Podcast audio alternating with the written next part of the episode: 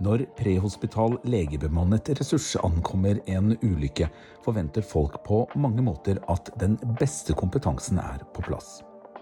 Men hvordan klarer man å løse et oppdrag så effektivt som mulig? I dag handler Akuttjournalen om medisinsk operativ arbeidsflyt. Jeg heter Per Håkon Solberg.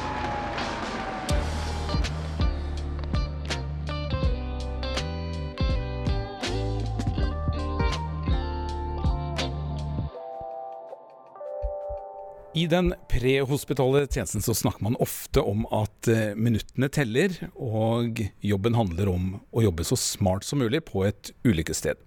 Men samtidig som eh, man jobber for å redde liv, så er redningsmannskapene også opptatt av hvordan man kan klare å gjøre oppdragene enda bedre. Og to viktige stikkord som vi skal snakke mye om i denne episoden, er å tenke team og å bygge høyprestasjonskultur. Og For å hjelpe oss til å sette dette litt mer i system, så har jeg tatt turen til Rygge flystasjon og 330-skvadronen for å snakke litt med Sven Kristiar Skaja og Per Olav Berve. Velkommen begge to til Akuttjournalen. Tusen takk. Takk for det. Dere er begge anestesileger og ansatt i luftambulanseavdelingen OUS, og har lang fartstid på redningshelikoptre. Hvilke utfordringer har dere stått i i hverdagen som gjør at dere i 2019 startet en ustrukturert forbedringsprosess? Eh, ja, Det er bra at du sier ustrukturert, for det er jo nøkkelordet. Dette har ikke vært en, en strukturert, i hvert fall ikke fra start, prosess fra vår side. I årene før 2019 så hadde vi mer en fornemmelse av at vi hadde forbedringspotensialet. F.eks. Så, så hadde vi oppdrag der vi fant oss i en ugunstig posisjon inni helikopteret i forhold til det vi skulle gjøre. Eh, vi, hadde, vi så at reaksjonstiden vår ved alarm varierte fra eh, åtte minutter på det beste til 16-17 minutter, uten at vi egentlig hadde noe veldig god forklaring på det. Eh, vi så at utstyret vi skulle ha med til ulike oppdrag, var uhensiktsmessig pakket. Eh, og vi hadde dårlige kommunikasjonsmetoder mellom oss og mellom helikopter, eller dårlige kommunikasjonsrutiner, for å nevne noe. Mm. Og så hadde vi da den store katastrofen på Gjerdrum i 2020. Hva lærte den oss, eller dere? Nei, Gjerdrum eh, var jo en vekker på eh, mange måter. fordi fram til da så hadde vi jo eh, satt i gang det her arbeidet med å se på utstyret vårt. Se på arbeidsmønsteret vårt, se litt på kommunikasjonsmønsteret vårt. Og så kommer det en sånn stor hendelse hvor vi plutselig ser at planene våre for generelt store hendelser ikke var oppdatert og på stell. Eh, og vanskelig tilgjengelige. Eh, så der var det liksom et åpenbart behov for forbedring. Eh, men så så vi også at helt enkle ting som f.eks. karabinkroken på, på heisen vår fungerte dårlig når du hadde kvikkleire på henda. Så det ble en helt ny det ble et fokus som, alle, som, gjorde alle klar over både behovet for et oversiktlig og tilgjengelig planverk, og helt ned til bitte små detaljer som kunne få konsekvenser, store konsekvenser. Da. Så det ble en bevisstgjøring, hele Gjerdrum-prosessen for oss ble en bevisstgjøring som endte i skriftlige tilbakemeldinger og uh, liksom, uh, slags profesjonalisering av hele greia. da. Mm. Og det dere har klart å få til, kaller dere for medisinsk operativ arbeidsflyt. Og vi skal bore litt i, i, det og prøve å hjelpe resten av redningstjenesten til å, til å, forstå litt mer hva det handler om. Men hvis vi sånn overordna, bare sånn før vi dykker ned i det, eh, skal si, hva, hva snakker vi om når vi snakker om eh, medisinsk operativ arbeidsflyt? Medisinsk operativ arbeidsflyt, eller MOA som vi forkorter det, det er eh, enderesultatet av de endringene vi gjorde eh, som startet i 2019. Og eh, det siste, eller det endelige dokumentet ble ferdig i fjor. endelig i den form at da hadde vi noe å presentere for hverandre, særlig her på Rygge. Så det var en skriftlig manifestering da, av ideene som vi har, har, jobbet med. Men det det er, det er en beskrivelse av hvordan vi jobber sammen best mulig i team for å oppnå de målene vi ønsker i hver enkelt av de prehospitale fasene. Fra utalarmering, scramble-fase, til inflight på vei til skadested, innsetting på skadested, særlig med heis for vår del, eh, arbeid på skadested osv. med pasienten til sykehus og utlasting og overlevering til, eh, til sykehus. Så har dere filmet treningen tusenvis av timer. Hvorfor har det vært nødvendig? Inspirasjonen til det å simulere og teste ulike løsninger kom fra, eh, ut fra legebilmiljøet på 119 i Oslo. For de hadde allerede lagd en, eh, en eh, samhandlingsrutine for hjertestans. Eh, kanskje Vil du si noe mer om det, Per Olav? Det er helt riktig at vi i forbindelse med et forskningsprosjekt eh, som starta i 2015, lagde et oppsett der vi, eh, som var såpass ambisiøst at vi tenkte at hvis vi ikke gjør det her veldig raskt og effektivt når vi er framme hos pasienten, så er det en risiko for at det går utover pasientens eh, ve og vel. Da, eller optimal behandling av pasienten. Eh, og erfarte egentlig da at ved å ha gode forhåndsavtaler og gode eh, utstyrsoppsett, gode eh, planer for hvordan vi skal tilnærme oss pasienten, så, så, var det ikke bare sånn at vi kunne gjøre mer og beholde kvaliteten. Kvaliteten økte jo. Det vil si at vi fikk mer mentalt overskudd, vi fikk mer oversikt over situasjonen generelt. Eh, og tror jeg, i hvert fall.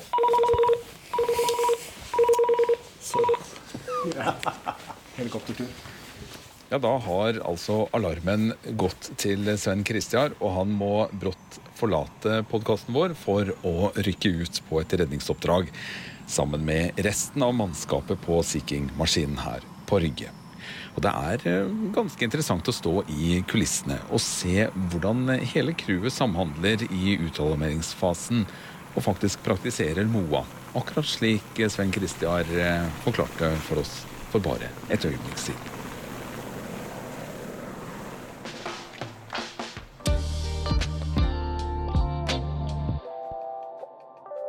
Per Olav, vi fortsetter praten. Og som vi var inne på, så har dere altså filmet tusenvis av timer på trening.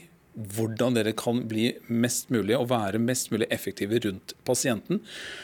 Og Det det har ført til, det er at dere nå har da laget en struktur og en eh, arbeidsflyt som gjør at dere jobber ganske så effektivt rundt pasienten og plasserer dere i faste posisjoner og har pakket en bag på en fast måte. Vi har i hvert fall gjort så godt vi kan. Eh, og så er det helt sikkert at det finnes klare forbedringer i det her opplegget. For å begynne liksom hvordan vi har tenkt, så kan det kanskje illustreres litt på den måten her. Eh, fordi det er litt allmenngyldig. Eh, Oppdragsløsninga ellers blir veldig kanskje baseavhengig og fartøysavhengig. Ehm, og til og med eh, kanskje også for hver base hva slags oppdragsprofil man har. Da. Eh, det vil kanskje være annerledes løst på mandag og her. Hvor effektiv man trenger å være i maskin. Hvor hissig man skal være på å ta en pause og alltid snakke sammen før oppdraget iverksettes. Disse prioriteringene må være forskjellige.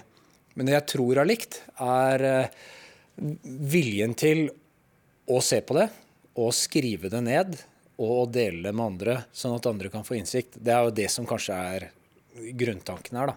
Men det, men det ligger noen prinsipper i bånn, som er noen fellesnevnere? Vi har tenkt hva er det viktigste vi driver med? Hva er imperativt? Uh, og for oss så er det at uh, når legeambulansen kommer, eller legeressursen kommer, en anestesilege utenfor sykehus, 40-50 år gammel, da bør, eh, da bør, vi ha noe å tilby de kritisk syke pasientene. Og for oss er jo selvfølgelig luftvei noe som vi ikke kan tillate oss å ikke liksom få til så, som best vi kan ut fra situasjonen. Da. Eh, så la oss bare begynne. Hvor, hvor er det vi, hva er det vi må få til? Vi må håndtere luftvei. Og vi må kunne gjøre en luftveishåndtering, en intubasjon, på en sikker måte når pasienten er kritisk syk. Eh, så utgangspunktet er at vi må ha et oppsett som fungerer så godt som mulig for den mest kritisk syke pasienten. Og da har vi egentlig tatt utgangspunkt i eh, den intubasjonsprosedyren eh, og sagt at eh, laryngoskopet i venstre hånd det er et venstrehåndsinstrument. Og det er minste felles multiplum. Det er én ting, det kommer vi liksom ikke utenom uansett hva vi gjør. Sånn er det. Og hvis vi bare er to, som jo også gjelder luftambulansetjenesten i ny og ne, at vi er de eneste framme, så må noen ganger redningsmannen gjøre én oppgave, og legen gjøre luftvei mer eller mindre alene. Og jo mer eh, han kan få gjort med den ledige høyrehånda, jo bedre er det. Og da må utstyret være tilgjengelig ved høyre, eh, legens høyre hånd. Eh, Dvs. Si at eh, sekken bør være ved pasientens høyre skulder. Det er liksom det, det, det er minste felles multiplum. Hvis man skal kunne håndtere en kritisk syk pasient, bare to stykker. Så her har vi da en av våre tokammersekker, dvs. Si at det er en vertikal glidelås uh, som går langs med sekken. Uh, som vi allerede har pakka på standardisert måte. Kan åpne den og legge den på plass, og så lang tid tar det. Da har vi plutselig tilgang på alt utstyret eh, ved legens høyre hånd. Så nå har jeg da lagt ned den sekken ved pasientens høyre skulder. Eh, og så er din plassering Den er ikke heller vilkårlig? Nei. Eh, Anestesilegen vil gjerne begynne i hodeenden, og alle, eh, vi tenker jo det, alle, kritisk, eh, alle critical care providers da, der ute over hele verden følger jo ABC-konseptet. Unntaket er jo hvis det skulle blø voldsomt. Ikke sant? Da vil man jo stoppe blødninga først, eh, før man adresserer den luftveien. Men Eh, la oss nå innbille oss det da, at denne dokka som ligger foran oss, er en pasient som har en svær blødning i låret. Hvis du nå går rundt på pasientens høyre side og plasserer deg der, da Så vil du se at eh, jeg og du er veldig tett på hverandre. Jeg har kontroll på luftveien. Jeg kan fint bevege meg ned på venstre side, men du kunne jo løst alle oppgaver. Alle blødninger kunne du komprimert der hvor du er nå, bortsett fra kanskje Eh, altså venstre arm eller ankle eller noe annet. Eh, så posisjonene fungerer jo fortsatt. Mens jeg vil kunne holde en fri luftvei, og jeg vil ha tilgang på utstyret og etablere det her mens du holder trykk på det der nede, hvor du egentlig er borte fra, fra en funksjon være, som ofte er at redningsmannen finner fram og gjør klart utstyr. Så det, eh, Allerede her så vil vi kunne se at det har en fordel. da, At vi kan både løse blødninga og vi kan komme i gang med å gi litt oksygen f.eks. Men, men det at du sitter bak pasienten, altså øh, ved, hodeenden, ja. ved, ved hodeenden, og ikke øh, ved, ved, den venstre skulder f.eks., ja. har det noe å si? Det har noe å si. Fordi eh, dette er et veldig fint utgangspunkt for å håndtere lufta. Det er en, det er en posisjon som vi er vant til å jobbe fra. Eh, og det er et sted hvor vi får vurdert våkenhetsgraden til pasienten veldig godt. Vi får sett på pupillene veldig godt. Og vi har tilgang til å undersøke fra hodeenden også, kjenne på brystkassa, kjenne på magen, kjenne på låra. Du når helt fint ned der. Og du kan se respirasjonsmønsteret, og du kan også frigjøre brystkassa veldig kjapt. Eh, ved å, ved å klippe opp klær og sånn. Og det er legens oppgave hos oss, at vi gjør det. Eh, mens redningsmann da etablerer monitorering. Så la oss nå si at vi har gjort det. da. Har, jeg har nå pakka ut øh, ventilasjonsbagen. Eller jeg har funnet fram oksygen, kobla det på pasienten. Har klippet, uh, klippet opp brystkassa. Redningsmannen har adressert en torniké f.eks. på det beinet. da. Uh, eller tatt sjekka hvor ille er den blødninga egentlig. Så blir neste da at vi skal få på monitorering. Og siden vi allerede har øvd inn at vi da har eh, monitoren plassert på et fast sted, så eh, altså Redningsmannen sitter nå ved pasientens høyre torso, eller ved kroppen, ikke sant, overfor eh, bekkenet. Og så har han plassert monitoren ved sin høyre side. Så helt uten å måtte lene seg eller reise seg eller gå og hente noe, så har han på automatikk bare satt den fra seg der. Og Fordelen da er at eh, han kan snu seg rundt, finne fram monteringsutstyret og klebbe det på. Og hvis man øver på det, så er det gjort på 35 sekunder. Og vi er veldig hissige med å bruke defibrilleringspad som monitorering av hjerterytme. Og det er fordi hvis ingenting annet fungerer, og pasienten er dårlig nok og dårlig sirkulert nok, så vil selv den oksygenmålinga vi prøver å gjøre, kanskje ikke gi noe signal, ikke gi oss noe svar på hva er hjerterytmen. Er det hjerterytme i det hele tatt? Kan det faktisk være et problem vi har eh, å lure på hvis pasienten er kald, f.eks. Eh, så vi bare får det raskt på. Han henter ut eh, CO2-monitoreringa, kobler den på den bagen som allerede ligger klart her. Eh, og plutselig så har vi masse data fra monitoren som jeg kan se, og som redningsmann kan se, eh, og kan gjøre innstillinger på automatisk. Så redningsmannen har nå en arbeidsplass, og det er litt av poenget, mellom hovedsekken og monitoren, og hvor han fortsatt kan være hands on og gjøre ting med pasienten, legge IV-tilgang, bistå med luftveishåndtering. Eh, og fortsette monitorering uten å måtte flytte seg. Det gjør det utrolig raskt. da. Så sa jeg at vi hadde den tokammersekken. Og den har vi ordna sånn at alt luftveisutstyret er på den ene siden, mens den andre siden, som vi legger nærmest pasientens høyre skulder, der har vi alt det andre utstyret. Og Poenget er at vi vil jo gjerne begynne med luftveisutstyr. Men luftveisutstyr har den fellesnevneren at alt må pakkes opp. Og spørsmålet blir veldig ofte hvor skal man da legge det? Hvor blir det av det? Og det vi gjør, er at vi bruker den delen av sekken som ligger nærmest pasienten, som et arbeidsbord initialt. Alt utstyr legges fra seg der. Eh, fordelen med det er at det blir veldig oversiktlig, og det blir veldig lett å pakke etterpå når vi skal videre av gårde. Eh, fordi det er luftveisutstyret som skal ut først, oksygeneringsutstyret. Det er viktigst å få det på plass. Og så vil andre ting som IV-utstyr, som uh, infusjoner, som bandasjering og sånn, vil komme seinere. Og da vil det meste av det være pakka vekk igjen. ikke sant? Da, da vil du ha brukt det lufthavsutstyret og være ferdig med det. Så det er liksom initialdelen, da. Så har vi da i tillegg pakka opp vestene våre sånn at det er standardisert hva vi minimum skal ha med. Vi har venfloner og sånn der. Det betyr at vi kan ikke ha det i hovedsekken. Vi tør å gå uten det i hovedsekken og spare masse plass. Så det er en måte å gjøre sekken lettere på og mer effektiv å bære med seg. Men også at det kan gjøre det litt ryddigere for oss, da. Så dette her er da utgangspunktet. Eh, Tokammersekk. Eh, monitor høyre lår ca.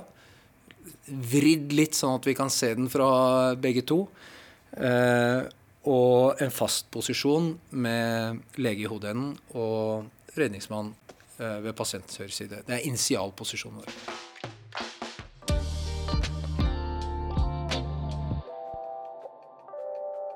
Sven Kristiar Skajå, du måtte rykke ut på redningsoppdrag da vi besøkte deg på Rygge sist, men eh, det er godt vi har teknologi for hånden, så vi kan eh, fortsette samtalen litt, litt nå.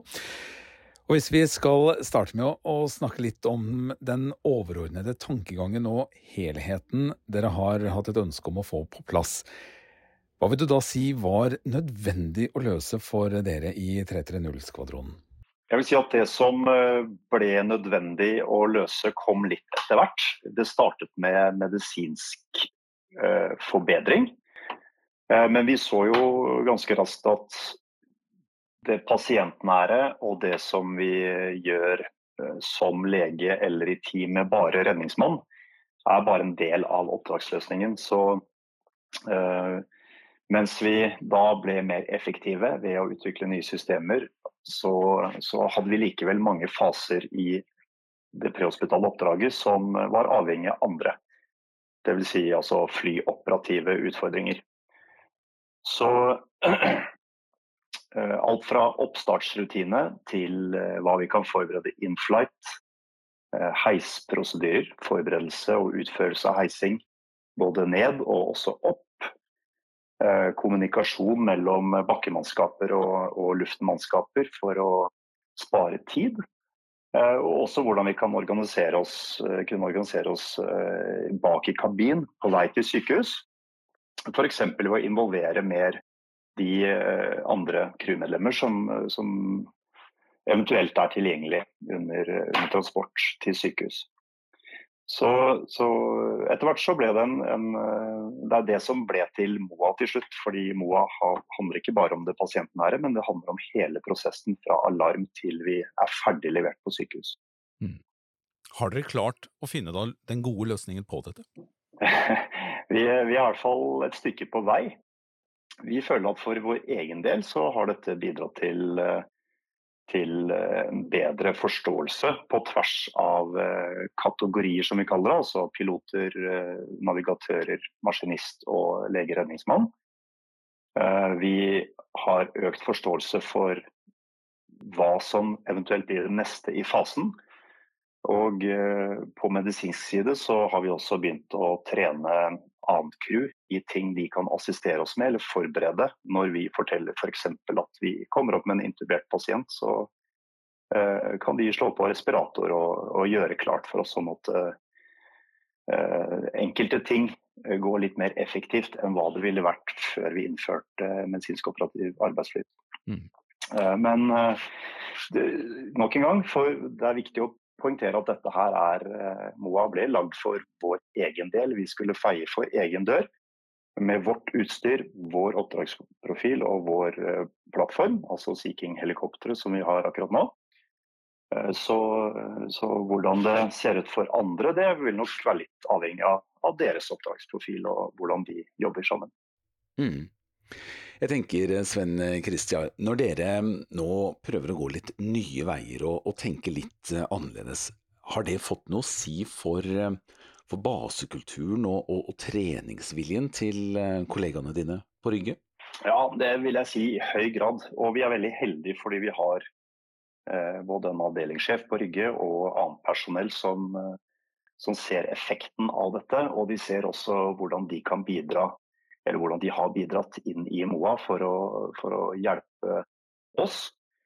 Eh, men også hvordan vi kan eh, hjelpe hverandre. Så, så, det har helt definitivt blitt en endring i basekultur hvor det er fokus på å være eh, profesjonell, effektiv.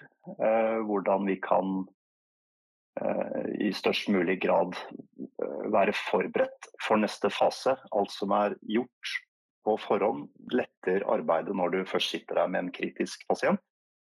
Eh, og på den måten så har vi, føler jeg, i høy grad lykkes med det, i den forstand at, eh, at alle nå føler at ting glir bedre enn hva de gjorde før, uten at vi trenger å snakke så innmari mye sammen. I den prehospitale tjenesten så handler jo alt om tid. Uh, har Moa på noen måte endret hvordan dere på Rygge og i 330 skvadronen eh, fokusere på tid? Ja, tid, Det er viktig å si at tid er ikke nødvendigvis et mål i seg selv. Men tid uh, i trening for oss, det har vært en måte å, å, å vise uh, først og fremst for oss sjøl hvordan vi kan være effektive hvis alt glir ideelt. Og så gjør de kanskje ikke alltid det.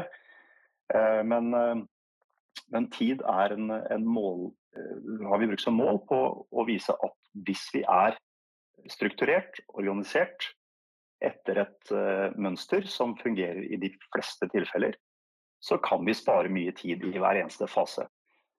Uh, og det er f.eks. en bedre oppstartsrutine sparte oss tre-fire uh, minutter en bedre forberedelsesfase in-flight sparte oss kanskje enda noen minutter, i forhold til at det er kanskje ting vi måtte gjort på skadested uansett. Eh, heiseprosedyren har spart oss for eh, seks-sju minutter.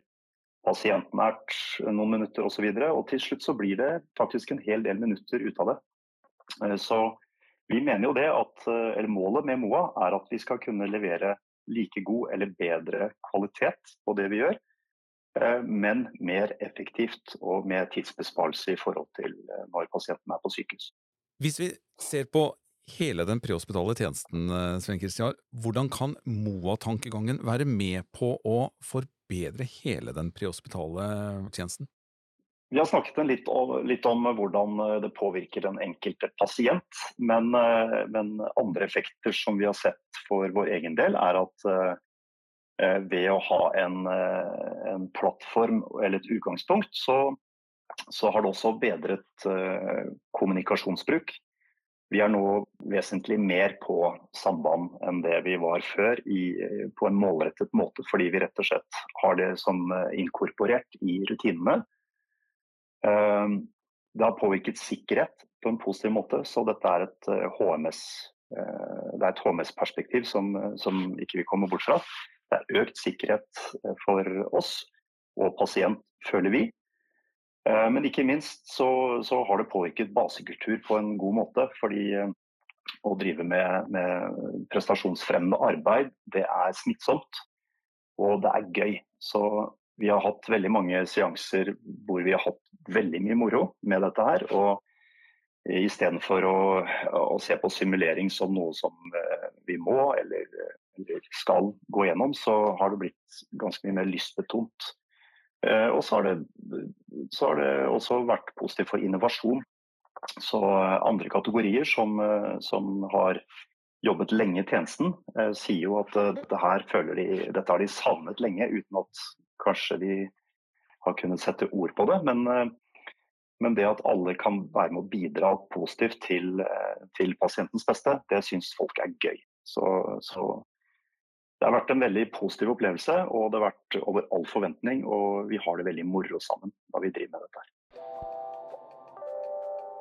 Vi nærmer oss slutten på denne utgaven av eh, Akuttjournalen, men eh, Per Olav Berve, vi skal eh, helt på tampen ta oss tid til et lite spørsmål knyttet til SOP-ene. For litt enkelt forklart så er jo de på mange måter retningslinjene for hva dere skal gjøre. Men de sier kanskje ikke alle sammen like mye om hvordan dere i praksis skal utføre oppgaven. Og Det er jo her MOA-tankegangen kommer inn og, og er tydeligere på, på, hvordan man skal utføre eh, arbeidet. Hvordan vil resten av den prehospitale tjenesten dra nytte av MOA-tankegangen, tenker du? Dette her er jo milliondollarspørsmålet, da. Ikke sant? Det er jo eh, vanskelig å Eh, å, å, si disse tingene sikkert. Det vi ønsker, er jo egentlig å forske på dette. her, ikke sant? Å finne ut av hva er egentlig nytteverdien. Hva er egentlig eh, gevinsten av eh, å ha en, en, litt mer strukturert tilnærming, eller en mye mer strukturert tilnærming, eller en felles tilnærming mellom, mellom luftambulansetjenester. Men det intuitive, det vi, det vi tenker at er at ok, tenk om vi kunne kommunisere ut til ambulansetjenesten eller til samhandlingspartnere at vi liker å bruke høyresiden. Vi ønsker å ha tilgang på høyresiden. Ehm, fordi på et eller annet tidspunkt så er det laryngoskopet et venstrehåndsinstrument. Det er naturlig for oss. Så når vi kommer, en av de forberedelsene man kan gjøre, er å skaffe litt plass der, da. Ikke sant? Eller når man da legger pasienten eh, eh, i et rom, at man sørger for at helst at det er 360 grader. Men hvis man skal ofre en side, så kan man kanskje begynne med å ofre høyresiden, eller kanskje man begynner med å ofre Kanskje helst at man ofrer venstresiden. Altså hvis det er en trang gang pasienten ligger i, skyv pasienten godt inn til venstre, så er det plass for oss alle på høyresiden. Og så bruker vi det som et utgangspunkt.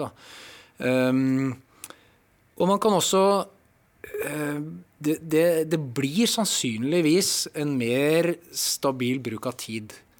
Ikke sant? Eh, sånn at eh, det vil gjøre det litt enklere for tjenester å kunne planlegge veien videre. De vil kunne kjenne igjen, bare nesten på posisjonen. Ja, nå er legen liksom nede på venstresiden. Ja, da er han sannsynligvis stort sett ferdig med luftveien. Eh, ergo nå skal vi snart dra. Ikke sant? Når det gjelder å få den båra på stell, når det gjelder å få evakueringsveien rydda opp i, så gjør at blir, den overordna planlegginga helst blir litt bedre. da. Du har lyttet til en fagpodkast fra stiftelsen Norsk Luftambulanse, hvor vi sammen med Per Olav Berve og Sven Kristiar Skajå har snakket om medisinsk operativ arbeidsflyt hos 330-skvadronen på Rygge. Husk å melde deg på nyhetsbrevet vårt, så får du mer fagrelatert informasjon om den prehospitale tjenesten. Og link finner du i episodebeskrivelsen. Og har du tips om relevante temaer, så send oss gjerne noen ord på akuttjournalen at norskluftambulanse.no. Ansvarlig redaktør for Akuttjournalen er Hans Morten Lossius.